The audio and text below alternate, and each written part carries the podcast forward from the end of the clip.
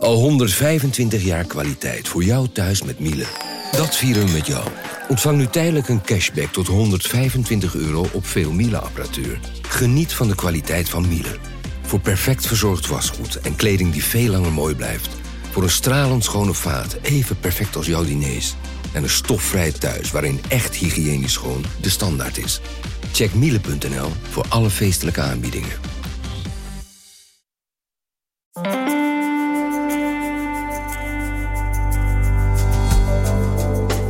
Vandaag is met zomerstop tot 9 september. Tot die tijd presenteren zes van onze redactiechefs hun favoriete aflevering van afgelopen seizoen. Vandaag Hugo Lochtenberg.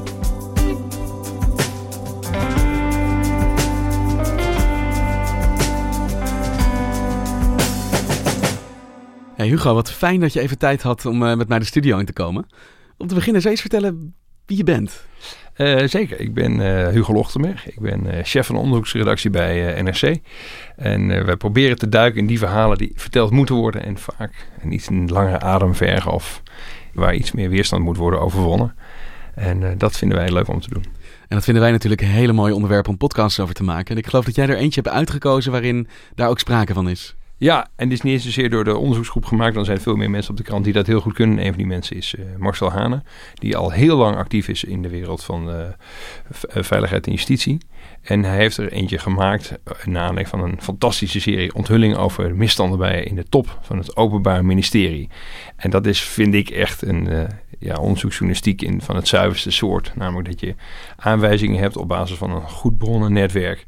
En dat je daar onderzoek naar doet en je probeert die bewijzen rond te krijgen. En dat lukt niet en toch volhard je erin. En in zijn geval duurt het 3,5, 4 jaar voordat hij er weer op terug kan komen. En dan krijgt hij de zaak wel rond. En dan kan hij publiceren dat in de top van het Openbaar Ministerie uh, mensen een, al jarenlang een uh, liefdesrelatie met elkaar hebben. Mensen die ook in een hiërarchische verhouding tot elkaar staan. En dat leidt tot enorme spanning in de top van dat ja, toch ontzettend belangrijke instituut voor ons in Nederland. We hebben verschillende podcasts gehad met onderzoeksverhalen als de basis. En verschillende journalisten. Sommige ook afkomstig van, van jouw redactie, de onderzoeksgroep. Waarom heb jij nu deze aflevering gekozen? Nou, er zijn gelukkig bij ons eh, op de krant heel veel voorbeelden om te kiezen. Maar wat ik heel mooi vond in deze podcast ook is dat je hier in dit geval kon het ook iets laat zien van de werkwijze van de onderzoeksjournalisten. Over het algemeen zwijgen wij daarover en dat is ook heel goed dat we dat doen. Uh, in dit geval kon hij daar meer van laten zien. Bijvoorbeeld dat het ging op basis van anonieme en blokletters geschreven brieven die hij kreeg met hele goede uh, gerichte informatie vanuit uh, het Openbaar Ministerie, zonder dat hij ooit even achterhaald wie dat was. Maar die informatie kon hij wel ja, checken. En dat is ja, een zeldzaamheid dat je zo'n mooi inkijkje krijgt in onderzoeksjournalistiek. Vanaf de redactie van NRC het verhaal van vandaag. Mijn naam is Thomas Ruip.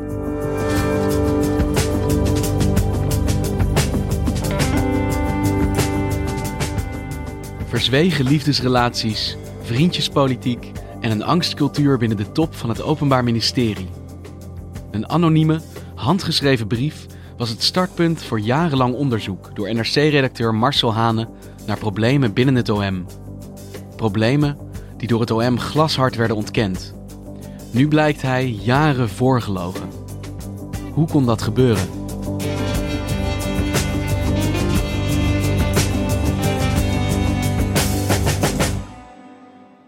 Een liefdesrelatie in de top van het Openbaar Ministerie heeft die organisatie flinke schade toegebracht. Ja, je zou denken, het maakt het uit, hè? Het leven, de liefde. Maar er is jarenlang onrust over geweest binnen het Openbaar Ministerie. En dat rapport is vernietigend, moet de hoogste baas toegeven. Aanleiding waren klachten over onder meer twee hoofdofficieren... waarbij de een de ander zou hebben benoemd. Blijkt uit onderzoek van de commissie Fokkens.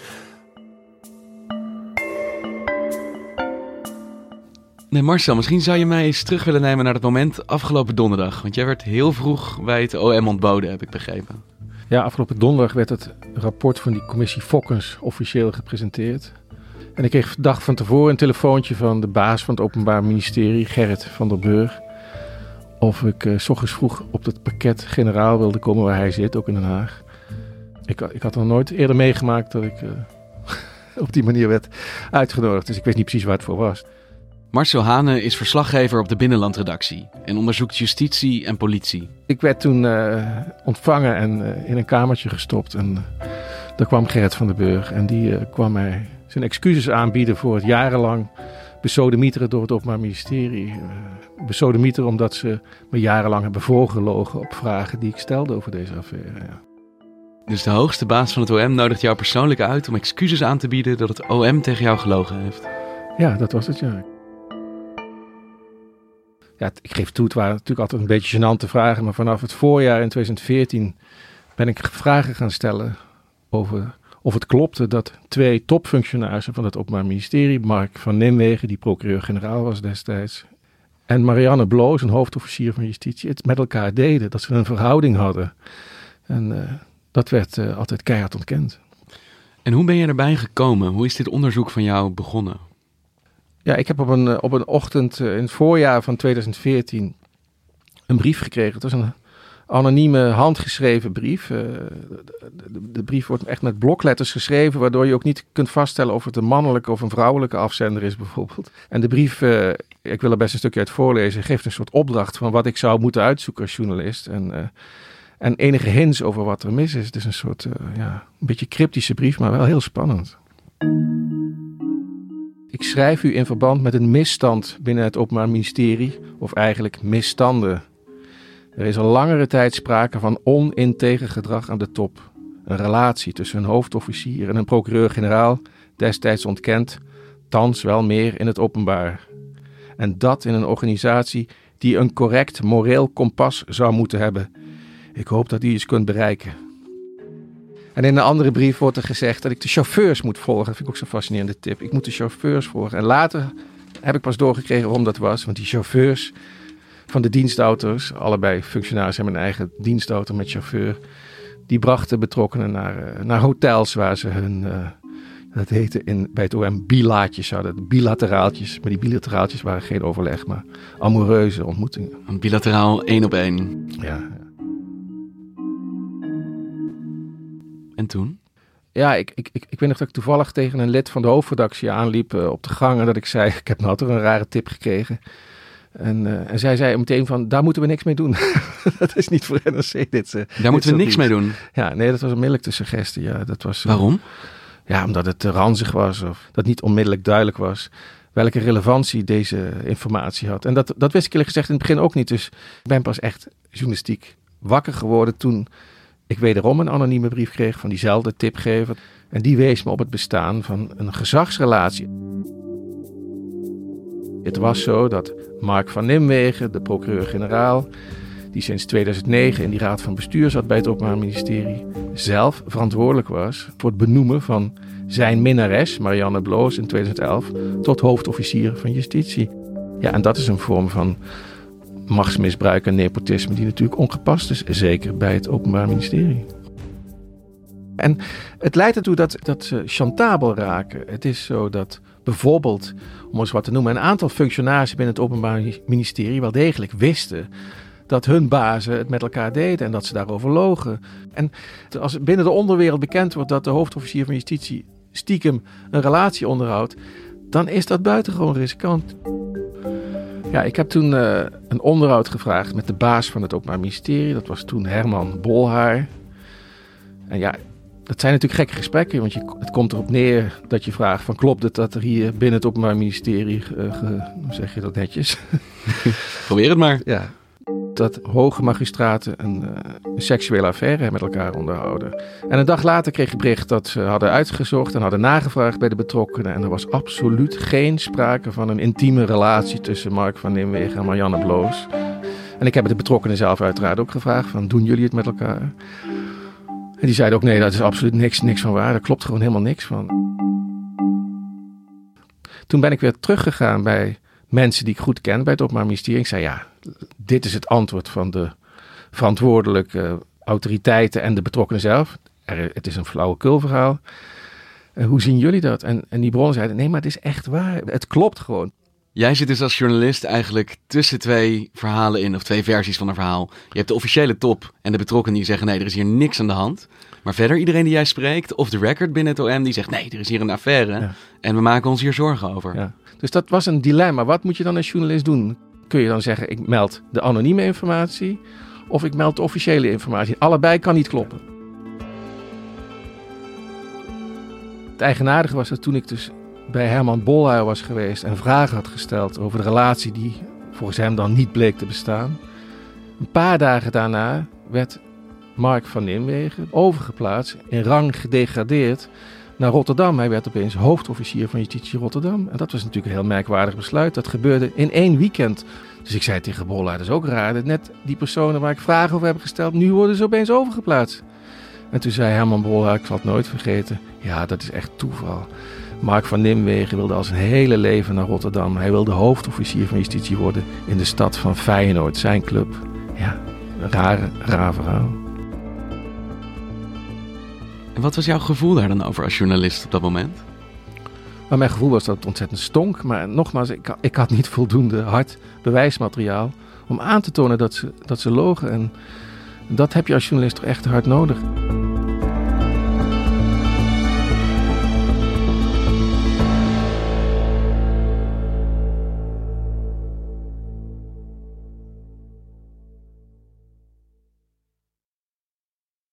Dus in 2014 heb je uiteindelijk niet gepubliceerd, eh, maar later heb je dat wel gedaan. Waarom veranderde dat? Dat veranderde toen in de lente van 2018 uh, ik opnieuw een anonieme brief kreeg. En die ging over het feit dat uh, kort daarvoor een nieuwe hoofdofficier van justitie in Den Bosch was benoemd. En dat is een vrouw, zij heet Helene Rutgers. En de tip was dat zij ook een intieme relatie heeft gehad met dezelfde Mark van Nimwegen. En dan kun je denken, weer denken van ja, kan mij het schelen. Maar toen was de onrust binnen het Openbaar Ministerie wel erg groot. Want alle topfunctionarissen van het Openbaar Ministerie komen om de drie weken bij elkaar in wat heet de groepsraad. En uh, dat zijn ongeveer twintig personen. En die personen ergerden zich steeds meer aan het feit dat Mark van Nimwegen daar zat met zijn, uh, dat was toen inmiddels algemeen bekend, vlam Marianne Bloos, hoofdofficier van het landelijk pakket. En daarnaast kwam nu zitten ook zijn vorige vlam, Helene Rutgers. En dat leidde tot zoveel spanning en ongezonde verhoudingen binnen dat groepsraadje. Omdat als je bijvoorbeeld als hoofdofficier zei: Ja, met dit plan van Marianne Bloos ben ik het niet eens. Dan ging Mark van Nimwegen je, je de wind van voren geven. Omdat je aan zijn, zijn vriendin kwam. Dus dat leidde tot een soort ruzies van het schoolplein binnen de, binnen de top van het Openbaar Ministerie.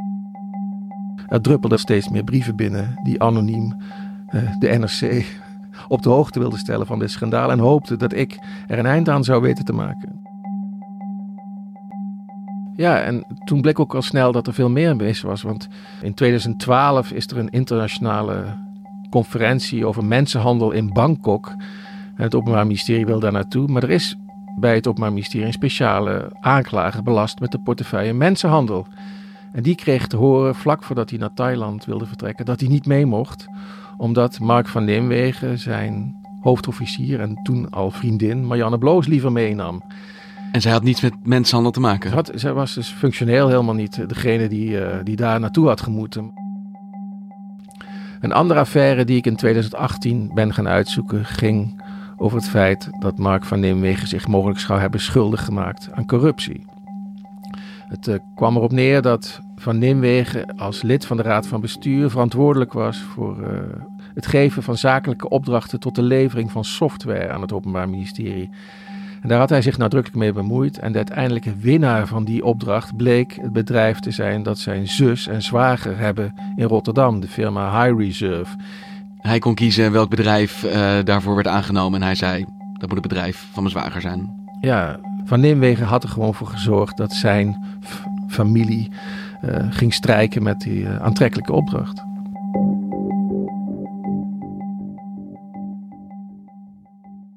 En de opeenvolging van publiciteit leidde ertoe dat er inmiddels bij het Openbaar Ministerie zoveel onrust ontstond. dat in mei 2018 werd besloten tot instelling van een commissie van rechtsgeleerde buitenstaanders, de commissie Fokkens, die aan de slag ging om te onderzoeken of al deze berichten in de NRC klopten. Dus eigenlijk gingen ze jouw werk uitpluizen. Ja, dit heb ik nog nooit meegemaakt. Dat er een commissie van drie zeer uh, ervaren rechtsgeleerde deskundigen aan de slag ging met de artikelen die ik uh, had geschreven. Want hoe was dat voor jou? Want jij hebt gepubliceerd, maar grotendeels natuurlijk op basis van anonieme bronnen die hun zorgen bij jou uitspreken. Terwijl de top van het OM eigenlijk altijd gezegd heeft: nee, er is hier niks aan de hand. Ja, het was eng. Eerlijk gezegd, het was gewoon eng. Ik was ervan overtuigd dat wat ik geschreven heb klopt. Uh, dat ik wist zeker dat het klopte. Maar het had natuurlijk best gekund dat zo'n commissie tot de conclusie moet komen. Ja, het kan wel zijn, maar we hebben geen bewijs kunnen vinden dat het klopt. Dus wij laten dat in het midden. Nou ja, ik kan me voorstellen dat er ergens in je hoofd toch wel een stemmetje tegen je spreekt. En zegt, misschien heb ik dit gewoon verkeerd. Nou, dat stemmetje had ik niet. Maar stel dat de commissie op op, op, op grond waar dan ook van tot de conclusie komt: het klopt niet wat de NRC heeft geschreven. Ja, dan had ik heel wat uit te leggen gehad op de redactie. Dat zou heel pijnlijk zijn geweest. Ja, dan had ik ontslag moeten nemen. Voorlopig was het afwachten wat die commissie zou achterhalen. En uiteindelijk hebben we moeten wachten tot 25 april 2019. Tot vorige week.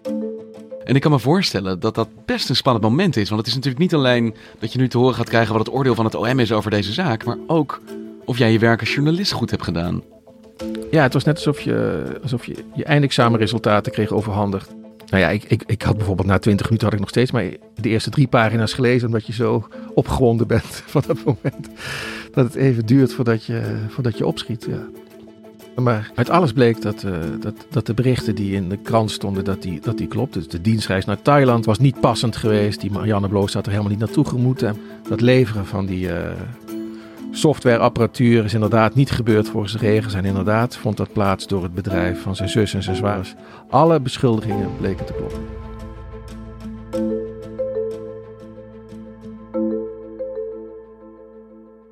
Een van de interessantste onthullingen in het rapport is dat die overplaatsing van Van Nimwegen naar Rotterdam gebeurde omdat het ministerie van Justitie het zat was. En die hebben gezegd tegen Bolla, je moet nu ingrijpen en anders dan is het afgelopen. En dat heeft Bolla toen ook gedaan. Die heeft dus in een weekend opgetreden omdat het ministerie dat van hem eiste. Maar ja, dat is wat jij al vermoedde. Het is geen toeval dat twee dagen nadat jij er naar vraagt, hij wordt overgeplaatst naar Rotterdam. Maar zij zeiden tegen jou, nee, nee, nee, dit is zijn droom. Hij wilde altijd naar Rotterdam, heeft er niks mee te maken. En hier staat in het rapport dus zwart op wit, je had gelijk. Maar dat betekent dus dat het OM, de hoogste baas van het OM, glashard tegen jou heeft zitten liegen. Ja, de conclusie van dat rapport is dat Bolhaar jarenlang keihard heeft zitten liegen. Dat maakt het ook zo kwalijk. je schrijft niet over de misstanden binnen het bestuur van een korfbalvereniging in Nijmegen, waarbij bestuursleden elkaar uh, naar het leven staan. Nee, het gaat hier om binnen de rechtsstaat een van de belangrijkste organisaties die er is. Die inderdaad anderen de maat neemt, uh, groot morele leiderschap zou moeten tonen. En daar blijken topfunctionaris uh, kleine en grote leugenaars te zijn. Ja. En zijn er maatregelen genomen naar aanleiding van dit rapport en jouw onderzoek? Ja, naar aanleiding van het rapport van de commissie Focus is Mark van Nimwegen, die al een jaar lang met buitengewoon verlof uh, was gestuurd. Dat is overigens niet zo dramatisch als het klinkt, want hij behield zijn salaris. Uh, die is vanaf nu geschorst en uh, dat betekent dat hij definitief op weg is naar de uitgang. Dus dat, dat is de, het voorportaal van een definitief ontslag. En Marianne Bloost, daar is het uh, buitengewoon verlof verlengd. Dus zij is iets milder behandeld. Maar het is duidelijk dat allebei de functionarissen niet meer zullen kunnen terugkeren op de functie die ze hebben bekleed. En dat het zeer aannemelijk is dat ze allebei uh, een andere baan moeten gaan zoeken.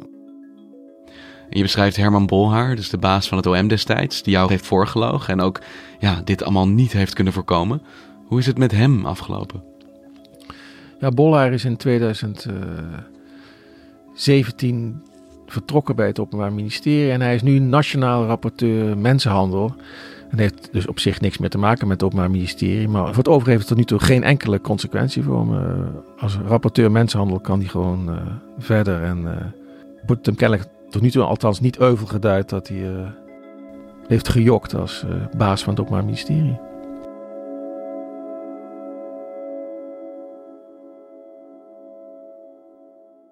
Het OM heeft nu dus zelf onderzoek gedaan met vernietigende conclusies. Uh, ik vermoed dat daar wel het een en ander moet veranderen. Hoe zie jij die toekomst voor die organisatie voor je?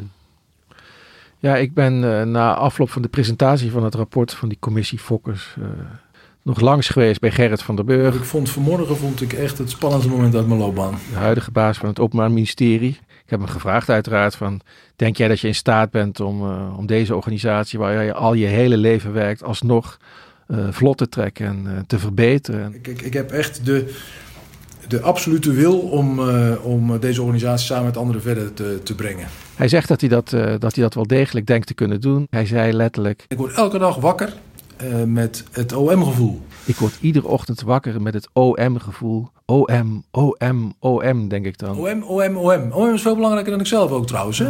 Dus uh, dat klinkt een beetje obligaat, maar uh, zo is het wel. Maar hij zit er ook al een hele tijd. Heeft hij dan niets van die problemen gemerkt? Nee, Gerrit zegt dat hij, uh, dat hij niet door had dat er affaires waren. Het is een buitengewoon hardwerkende man die om zeven uur s ochtends uh, achter zijn bureau zit. En uh, naar eigen zeggen geen tijd heeft om uh, alle flirtpartijen binnen de organisatie te registreren. Dus het is hem nooit opgevallen. Kijk, als, als mensen bij een koffieapparaat beginnen over met, met verhalen of beelden of indrukken. Hè, of roddels, hè, lees roddels. Maar ik, daar, daar wil ik het niet mee tekort doen. Hè. Dan loop je weg. Ja. En dat geloof jij? Ik denk dat hij heel goed in staat is om op het beslissende moment uh, weg te lopen en de andere kant op te kijken. Dat is ook een kwaliteit. Maar als functionaris van het aanklagersapparaat moet je natuurlijk toch een soort antenne hebben waarbij je dat signaal ook uh, weet op te pikken. En daar is hij zich, al zegt hij althans, wel van bewust. En jij bent deze zaak ingetrokken in 2014 door een anonieme briefschrijver. En je eerste publicatie was ook op basis van anonieme bronnen. Heb je nog contact met hen gehad? Zijn zij opgelucht dat uh, er nu eindelijk een conclusie is hier? Ja, in, in algemene zin kun je zeggen dat er twee soorten reacties zijn nu binnen het Openbaar Ministerie. De meerderheid lijkt toch te denken: laat het maar proberen met onze Gerrit uh, de organisatie weer zo in te richten dat we netter, transparanter en eerlijker gaan opereren dan tot nu toe het geval is.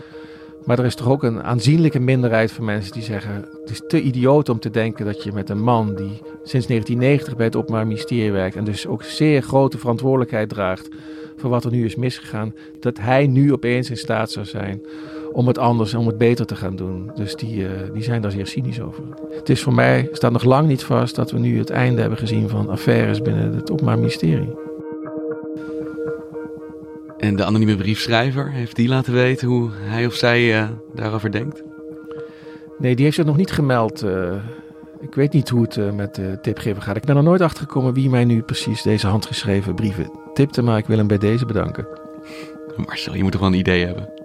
Nee, ik heb echt geen idee. Ik weet, ik, kan ook, ik weet ook echt niet of het een man of een vrouw is. Ik weet alleen dat het iemand is die hoog in de organisatie van het Openbaar Ministerie werkt. En, naam weet ik niet, maar nogmaals bij deze bedankt. Jij ook, Marcel. Dankjewel. Graag gedaan.